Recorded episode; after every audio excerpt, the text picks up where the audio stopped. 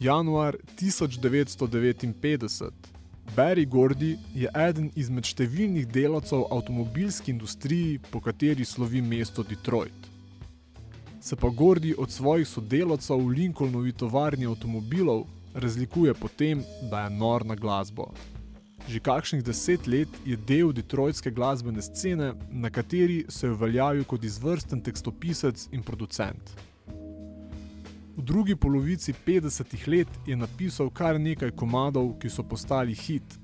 To pa se ni poznalo na njegovem bančnem računu, saj je zaradi vse prisotnega rasizma in specifičnega delovanja glasbene industrije finančno gledano pobiral le drobtine si pa je v vseh teh letih pridobil zaupanje glasbenikov, za katere je pisal pesmi. Tudi oni so bili strani glasbene industrije finančno izigrani in so zato Gordija spodbujali, da ustanovi lastno glasbeno založbo. Gordi je vse čas svojega službovanja za tekočim trakom pisal pesmi in si zamišljal potencijalno založbo, ki bo ponujala priložnost lokalnim temnopoltim glasbenikom. Zavedal se je, da bo od glasbe živel samo, če bo ustanovil lastno založbo, kjer bo imel popoln nadzor.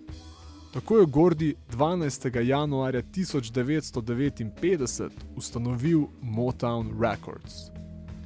Vsa leta, ki jih je preživel za tekočim trakom v avtomobilskih tovarnah, pa so v njem porodila idejo, da bo svojo glasbeno založbo organiziral po načelu znanstvenega menedžmenta, S tem pa je postavil temelje moderne glasbene produkcije in spisal zgodovino popularne glasbe. Od samega začetka pa do danes in vse vmes.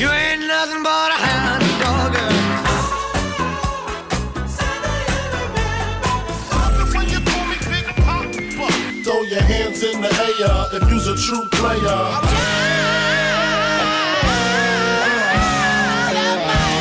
To je zgodovina popularne glasbe.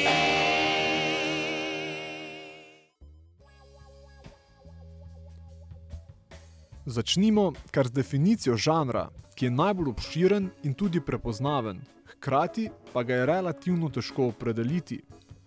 Pop glasba v oskem smislu ne pomeni nič drugega kot to, da gre za glasbo, ki je postala popularna, vendar pa se glasbeni zgodovinari strinjajo, da ima ta tip glasbe tudi svoje lirične in glasbene specifike. Za potrebe te oddaje pa oznako pop uporabljamo za glasbo, ki je narejena izključno z mislijo na čim večjo prodajo. Torej za glasbo, ki je komercialna v najbolj esencialnem pomenu te besede. Glasba z oznako pop je seveda obstajala že veliko pred drugo polovico 50-ih let, kjer začenjamo današnjo oddajo. Konec 50-ih pa se je ob smrtnih krikih rock'n'rolla rodila pop glasba, kot jo poznamo danes. Revolucionarnost rock'n'rolla in njegov vpliv na pop smo predstavili v drugi epizodi zgodovine popularne glasbe, ki jo najdete na različnih podcast platformah ter seveda tudi na naši spletni strani. Omenjeno oddajo o rock'n'rollu smo zaključili konec 50-ih let, ko je žanr zaradi različnih razlogov bolj kot ne zamrl. V določeni meri pa se je tudi preobrazil, saj je bil za takratno družbo preveč surov in kontroverzen. Moral je postati bolj spoliran, postati je moral pop. Glasbena industrija je takrat lansirala najstniške idole kot sta Pat Boone in Paul Anka. Omenjena dosežeta veliko popularnost, saj po ničemer ne odstopata iz mainstream kulture tistega časa. Pri popu gre torej za glasbo, ki ne ustvarja kontroverznosti, zato pa jo poleg najstnikov odobravajo tudi starejši. Ta praksa ustvarjanja najstniških idolov pa se skozi izvajalce kot so Britney Spears, Backstreet Boys in Justin Bieber ohranila vse do danes. Če ste poslušali prve tri epizode v seriji, vam je že jasno, da so žanrske oznake v glasbi pogosto arbitrarne in umetne, ter da v veliki meri izhajajo iz marketinških ambicij glasbene industrije. In ravno v slednjo se bomo poglobili v današnji oddaji. Kljub vsemu romantiziranju glasbe se je potrebno zavedati, da gre še vedno za industrijo, torej za dejavnost, ki v prvi vrsti cilja na ustvarjanje profita. Za ene žanre to velja bolj, za druge manj. Ravno pop pa je tisti žanr, ki profit jemlje najbolj resno. V 60-ta je pop eksplodiral s komadom Čabja Chackerja The Twist. V komadu lahko slišimo, da je svoj zvok črpal v rock'n'rollu, vendar pa za razliko od njega ne premore tiste surovosti, ki daje temu žanru njegov edge. Komad The Twist pa je v svet lansiral tudi istoimenski ples, ki je popolnoma obnorel takratno mladino.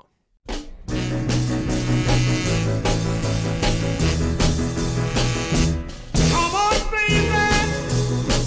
Let's do the twist.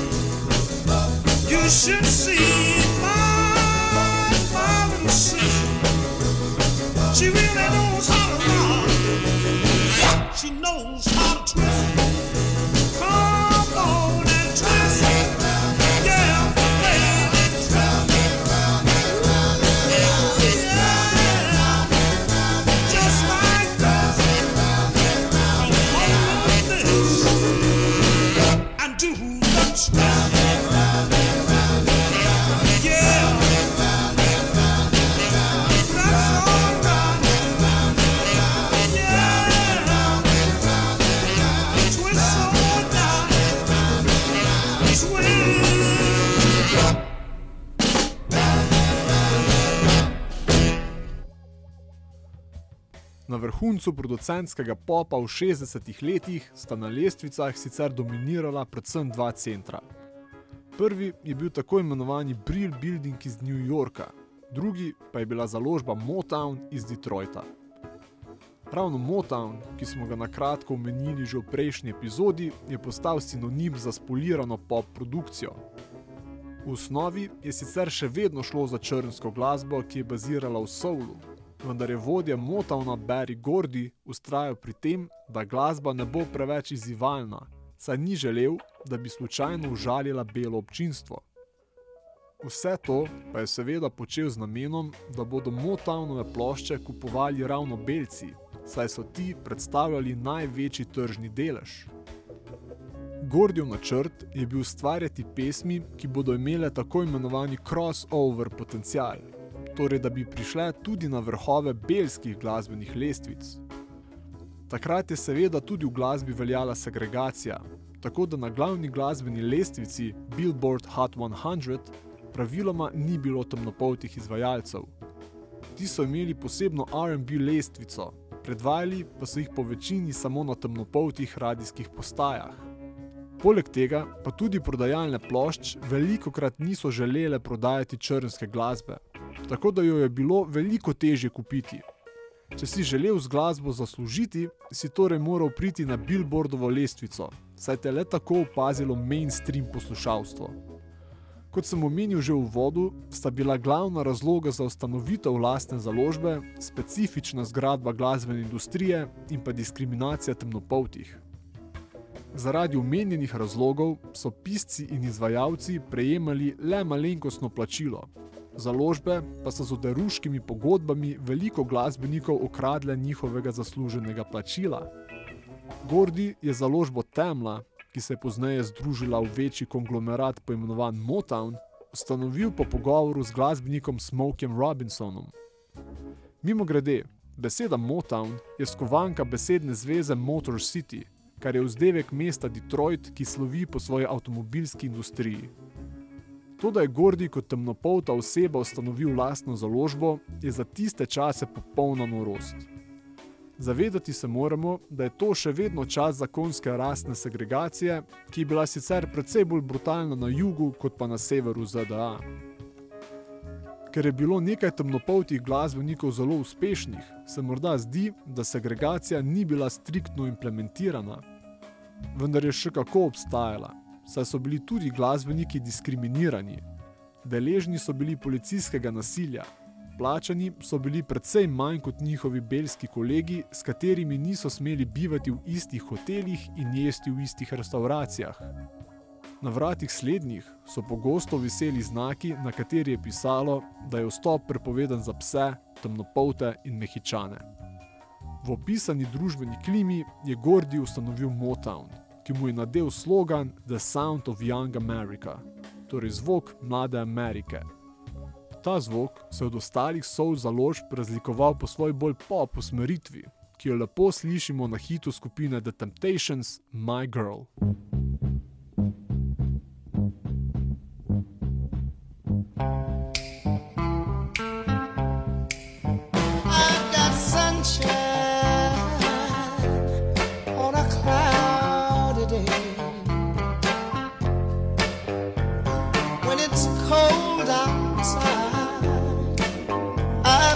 Month of May.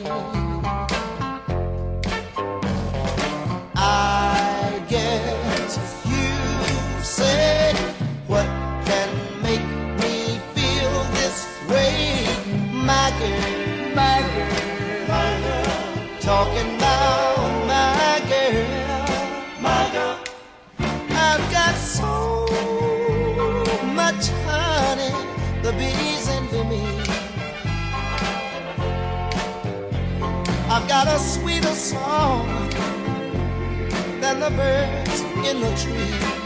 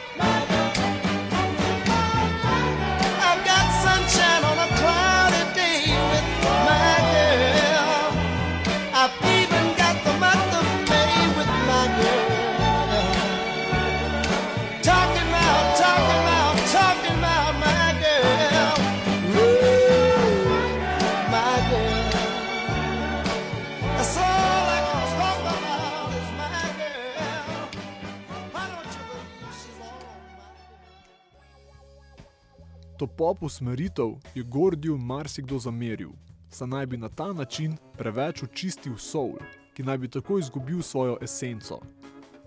To v določeni meri drži, saj lahko med pravkar slišano pesmijo in komadi, ki smo jih vrteli v prejšnji epizodi, v kateri smo pokrivali soul, slišimo precejšno razliko. Se je pa potrebno zavedati, da je zaradi tega imel Motown pri integraciji temnopoltih precej bolj pomembno vlogo kot ostale založbe.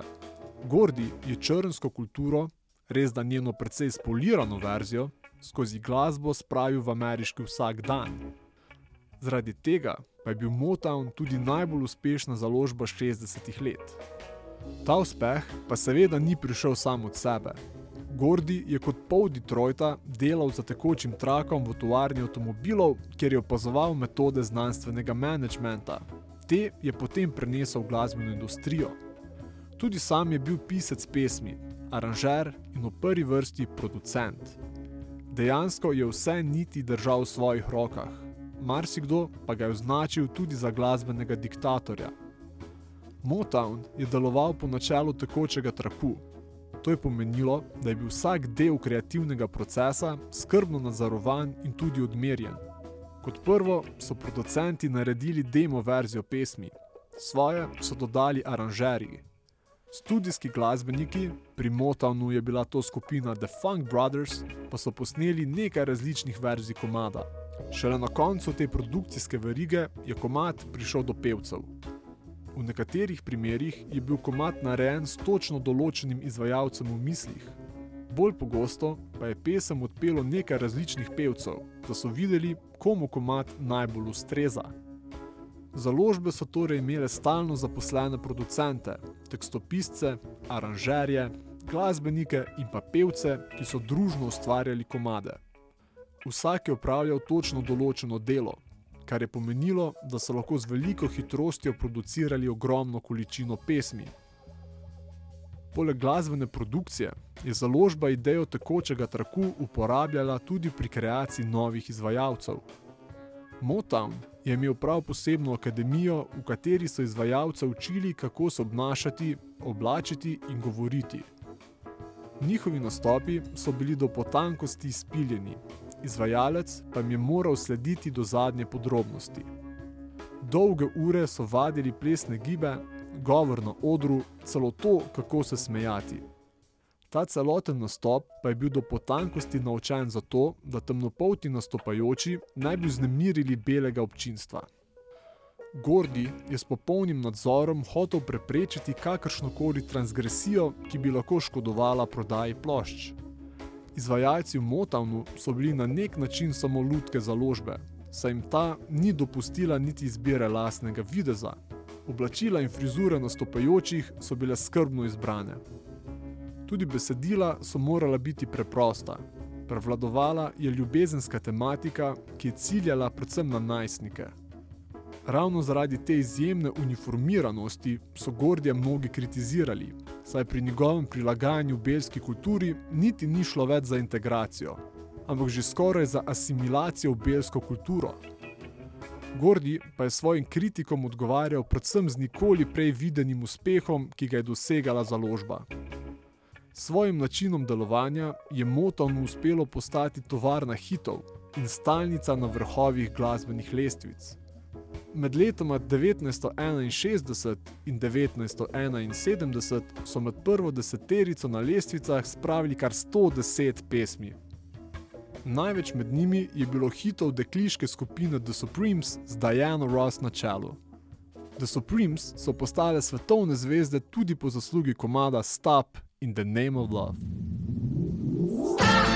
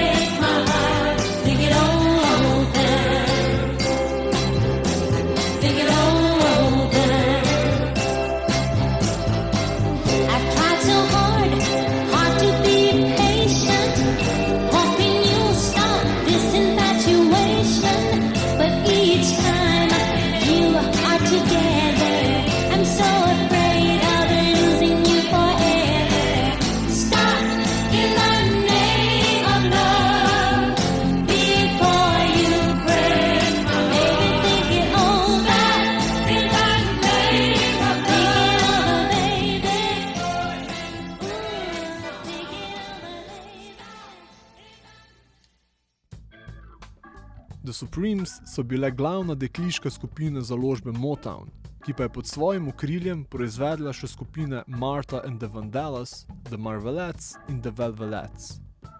Nasplošno se v 60-ih letih začne vzpon dekliških in fantovskih skupin. Med slednjimi moramo omeniti že slišane The Temptations, pa The Miracles, Four Tops in seveda The Jackson 5. Vseh pomembnih izvajalcev Motowna je seveda preveč, da bi jih našteli tukaj. Najdete pa jih na Spotify playlisti, povezavo do katere boste našli v opisu te epizode. O tem, kako pomemben je Motown in koliko hitov je proizvedel, veliko pove že to, da je slavna revija Rolling Stone naredila prav posebno listo top 100 Motown hitov. Sredina 60-ih je bila zlata doba za založbo, ki je proti koncu desetletja začela izgubljati vsaj del svoje relevantnosti. Na začetku desetletja so se glasbeniki založbe veliko družili, drug drugega so spodbujali in inspirirali. Po vodnem uspehu založbe je Barry Gordy kupil več hiš, ki so se nahajale v neposrednji bližini studia, kar je v praksi pomenilo, da so zaposleni živeli v nekakšni kreativni glasbeni komuni. Tudi Gordjeva zahteva, da je vsaka pesem hit, je imela na začetku čisto ekonomsko logiko, saj si založba zaradi finančnih težav enostavno ni smela privoščiti neuspeha. Čez čas pa je ta logika ustvarjanja industrijskega popa, katerega glavni namen je povečanje profita, pripeljala do zasičenosti. Ker je Gordi od svojih zaposlenih zahteval, da mora vsaka pesem nujno postati hit, so komadi čez čas postali ponavljajoči, saj so pri njihovem nastajanju sodelovali eni in isti akterji. Ker so bili prisiljeni pisati samo pesmi, ki bodo postale uspešnice, so začeli pisati komade, ki so bili zelo podobni že uveljavljenim hitom, saj so vedeli, da jih bodo poslušalci sigurno sprejeli.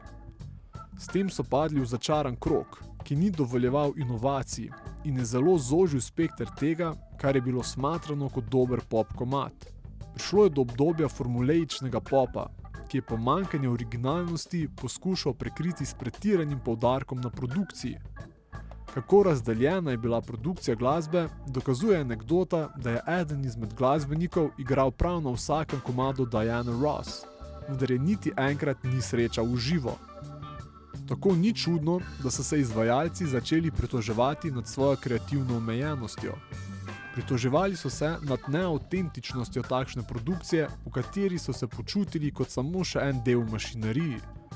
Mnogi med njimi so prevzeli vrednote kontrakulturnih gibanj, ki so sredi 60-ih prihajala na površje. Eden glavnih poudarkov teh gibanj je bila ravno autentičnost, ki so jo zahtevali tudi od umetnosti. Zavračali pa so ravno glasbo, ki je bila masovno producirana samo z namenom ustvarjanja profita.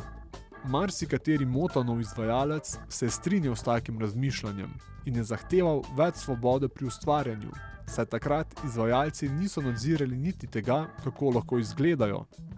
Najbolj sta se temu uprla Marvin Gaye in Stevie Wonder, ki sta na koncu dosegla svoje.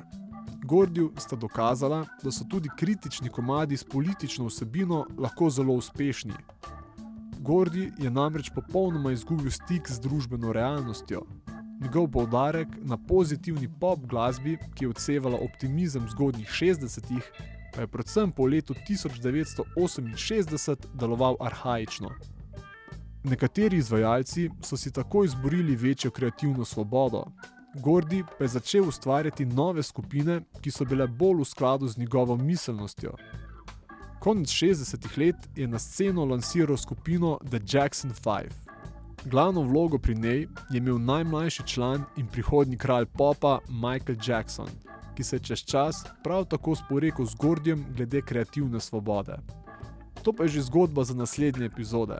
Za zdaj si zavrtimo komat I Want You Back. Let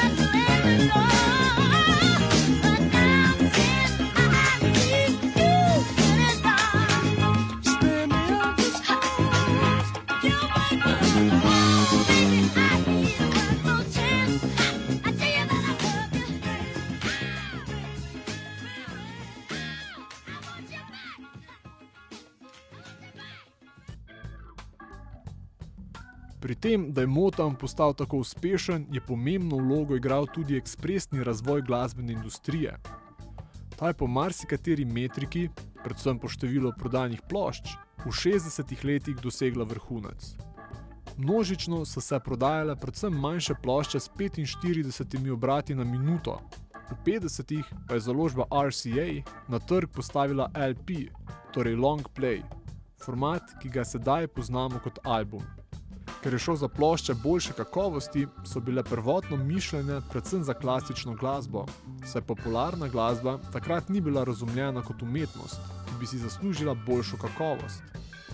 To se je kmalo spremenilo po zaslugi jazza, predvsem Franka Sinatra in njegovega protokonceptualnega albuma In the Wee Small Hours. Glasbeniki predtem niso izdajali celotnih albumov, kot jih poznamo danes. Predvsem so snemali singlice, ki so čez čas pristale na kakšnem daljšem kompilacijskem albumu. Zelo pomembna inovacija je tudi razvoj večsteznega snemanja. V začetku 60-ih je tako imenovani multi-track recording obsegal štiri steze, na katere so lahko glasbeniki snemali različne inštrumente. Danes, ko imamo na voljo neomejeno število digitalnih stez, se morda niti ne zavedamo, kako zelo kreativni so morali biti producenti včasih analognih snemalnikov. Ravno v 60-ih letih je prišlo do velikega napredka v studijskih tehnologiji, ki je glasbenikom ponujala vedno nove možnosti za igranje zvoki. Zaradi če dalje večje kompleksnosti teh tehnologij pa so zelo veliko vlogo igrali tudi producenti in studijski inženirji. Vpliv razvoja studijske tehnologije na glasbo se najbolj opazi na primeru legendarnih Beatlov, ki so se sredi 60-ih zaprli v studio in so popolnoma spremenili svoj zvok. V tem času se poveča fragmentacija žanrov, ki je delno tudi posledica velikega povpraševanja po novostih. Kot odgovor na to povpraševanje se ustanovijo nove neodvisne založbe in radijske postaje, ki začnejo pokrivati glasbo, ki se osrednjim založbam zdi obrobna. Najstniki in mladi odrasli postanejo glavno občinstvo, katerega targetirajo založbe. Te gredo pri načrtnem ciljanju določene populacije tudi tako daleč, da začnejo ustvarjati fikcijske skupine. Pri tem je izstopala produkcijska hiša Eldon Music, ki sta jo ustanovila Al Nevis in Don Kiršner. Založbo sta ustanovila pod vplivom rock'n'roll revolucije, saj sta opazila, da lahko ustanovita uspešno založbo, ki bo ciljala izključno na mlade. Album Music je bila sicer del tako imenovanega newyorškega Brill Building zvoka, ki je predstavljal neke vrste tekmeca Motownu. Brill Building je bila zgradba na Manhattnu, v kateri je delovalo več glasbenih založb, čez čas pa so se te razširili na več zgradb v isti ulici. Torej podobno kot bližnji Madison Avenue, na kateri so delovale praktično vse večje oglaševalske agencije. Lahko bi dejali, da je Adam Music v svojem zasledovanju profita šel do konca, saj si je izmišljal popolnoma fikcijske skupine, kot so The Archies, ki so zasloveli s komadom Sugar Sugar. Še veliko bolj popularna pa je bila prav tako izmišljena skupina The Monkeys. Ta je nastala tako, da je založba hotela ustvariti lastne bitle. Z najetimi profesionalnimi glasbeniki so posneli komade, Ko so ti postali popularni, pa so najeli še nekaj mladih glasbenikov, ki so pozirali kot originalna skupina The Monkeys. Njihov največji hit, I'm a Believer, je sicer napisal Neil Diamond, ki je pred solo kariero deloval kot eden izmed številnih piscev pri Aldonu.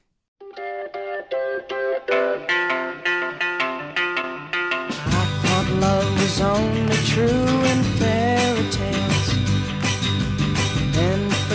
someone else, but not for me. Our love was out to get me. That's the way it seemed. Disappointment haunted all my dreams. Then I saw her face. Now I'm a believer not a trace of doubt in my mind.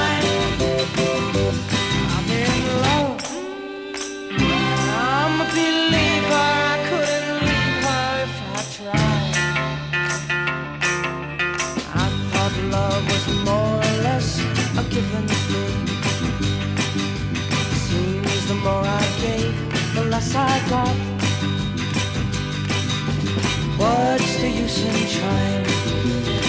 All you get is pain. When I needed sunshine, I got rain. Oh, then I saw her face. Now I'm a believer. Not a trace of doubt in my mind.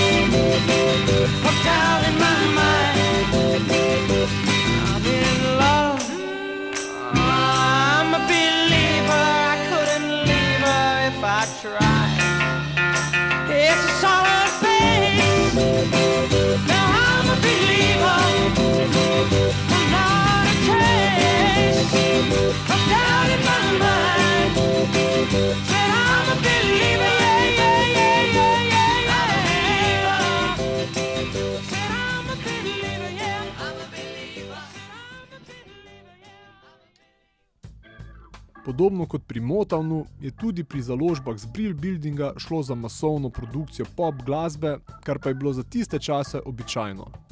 Do Beatlov namreč skoraj nihče ni konstantno pisal lastne glasbe, če izuzamemo folk glasbenike kot je Bob Dylan.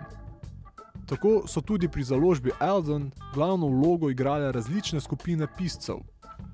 Leta 1962, štiri leta po ustanovitvi, je v založbi delovalo 18 piscev in vsi so bili mlajši od 26 let. Mlajše so zaposlovali tudi zato, ker so bolje razumeli najstnike, ki so bili ciljna publika pop glasbe. Založba Eldon se je izkazala predvsem kot posrednik, saj je komade prodajala založbam, ki so imele večje kapacitete za distribucijo in marketing.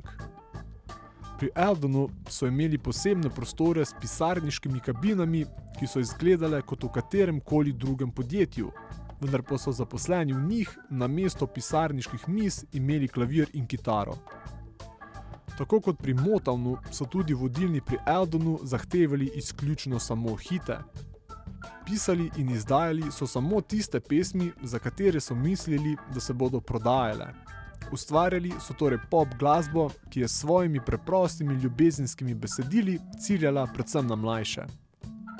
Prav tako so v tistih časih izdajali skoraj izključno samo posamezne single, saj so z nizom slednjih zaslužili več, kot če bi vse izdali na enotnem albumu.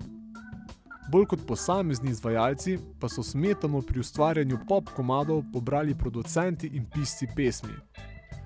Morda najbolj znan duet piscev sta bila Neil Sedaka in Howard Greenfield. Veliko konkurenco sta jima delala tudi bodoči zvezdi Neil Diamond in Carol King. Komad You've Lost That Loving Feeling, ki naj bi bil največkrat predvajana radijska skladba v 20. stoletju, pa sta napisala Barry Mann in Cynthia Weil. You never close your eyes anymore when I kiss your lips. And there's no tenderness like before in your fingertips. You're trying hard not to show it. But baby, baby, I know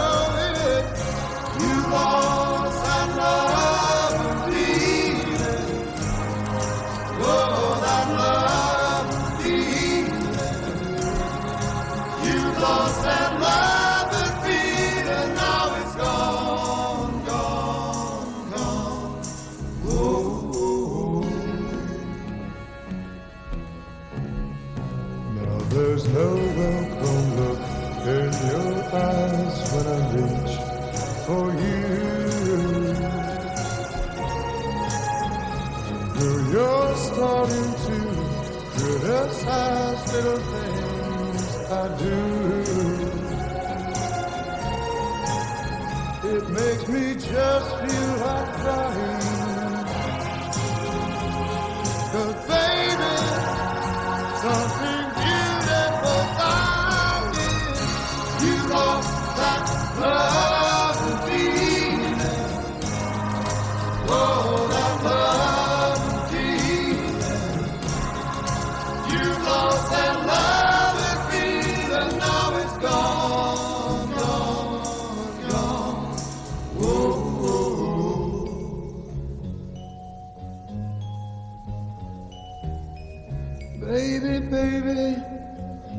Get down on my knees for you. If you would only love me like you used to do, yeah. We had a love, a love, a love you don't find every day.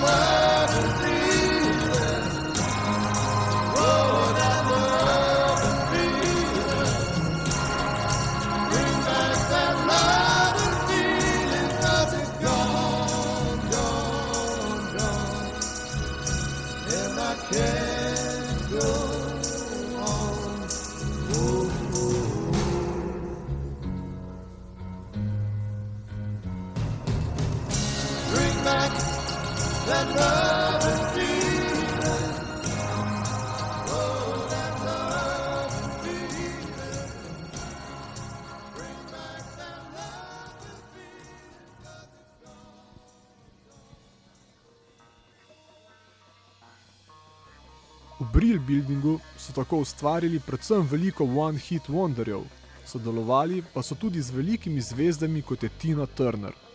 Pri teh projektih je v vlogi producenta veliko krat deloval kontroverzni Phil Spector, ki je s Tino Turner in njenim takratnim možem Aikom posnel legendarni komat River Deep Mountain High. Na tem mestu je nujno potrebno jasno povedati, da je Phil Spector nedvomno ena najslabših oseb, ki je kadarkoli delovala v glasbeni industriji.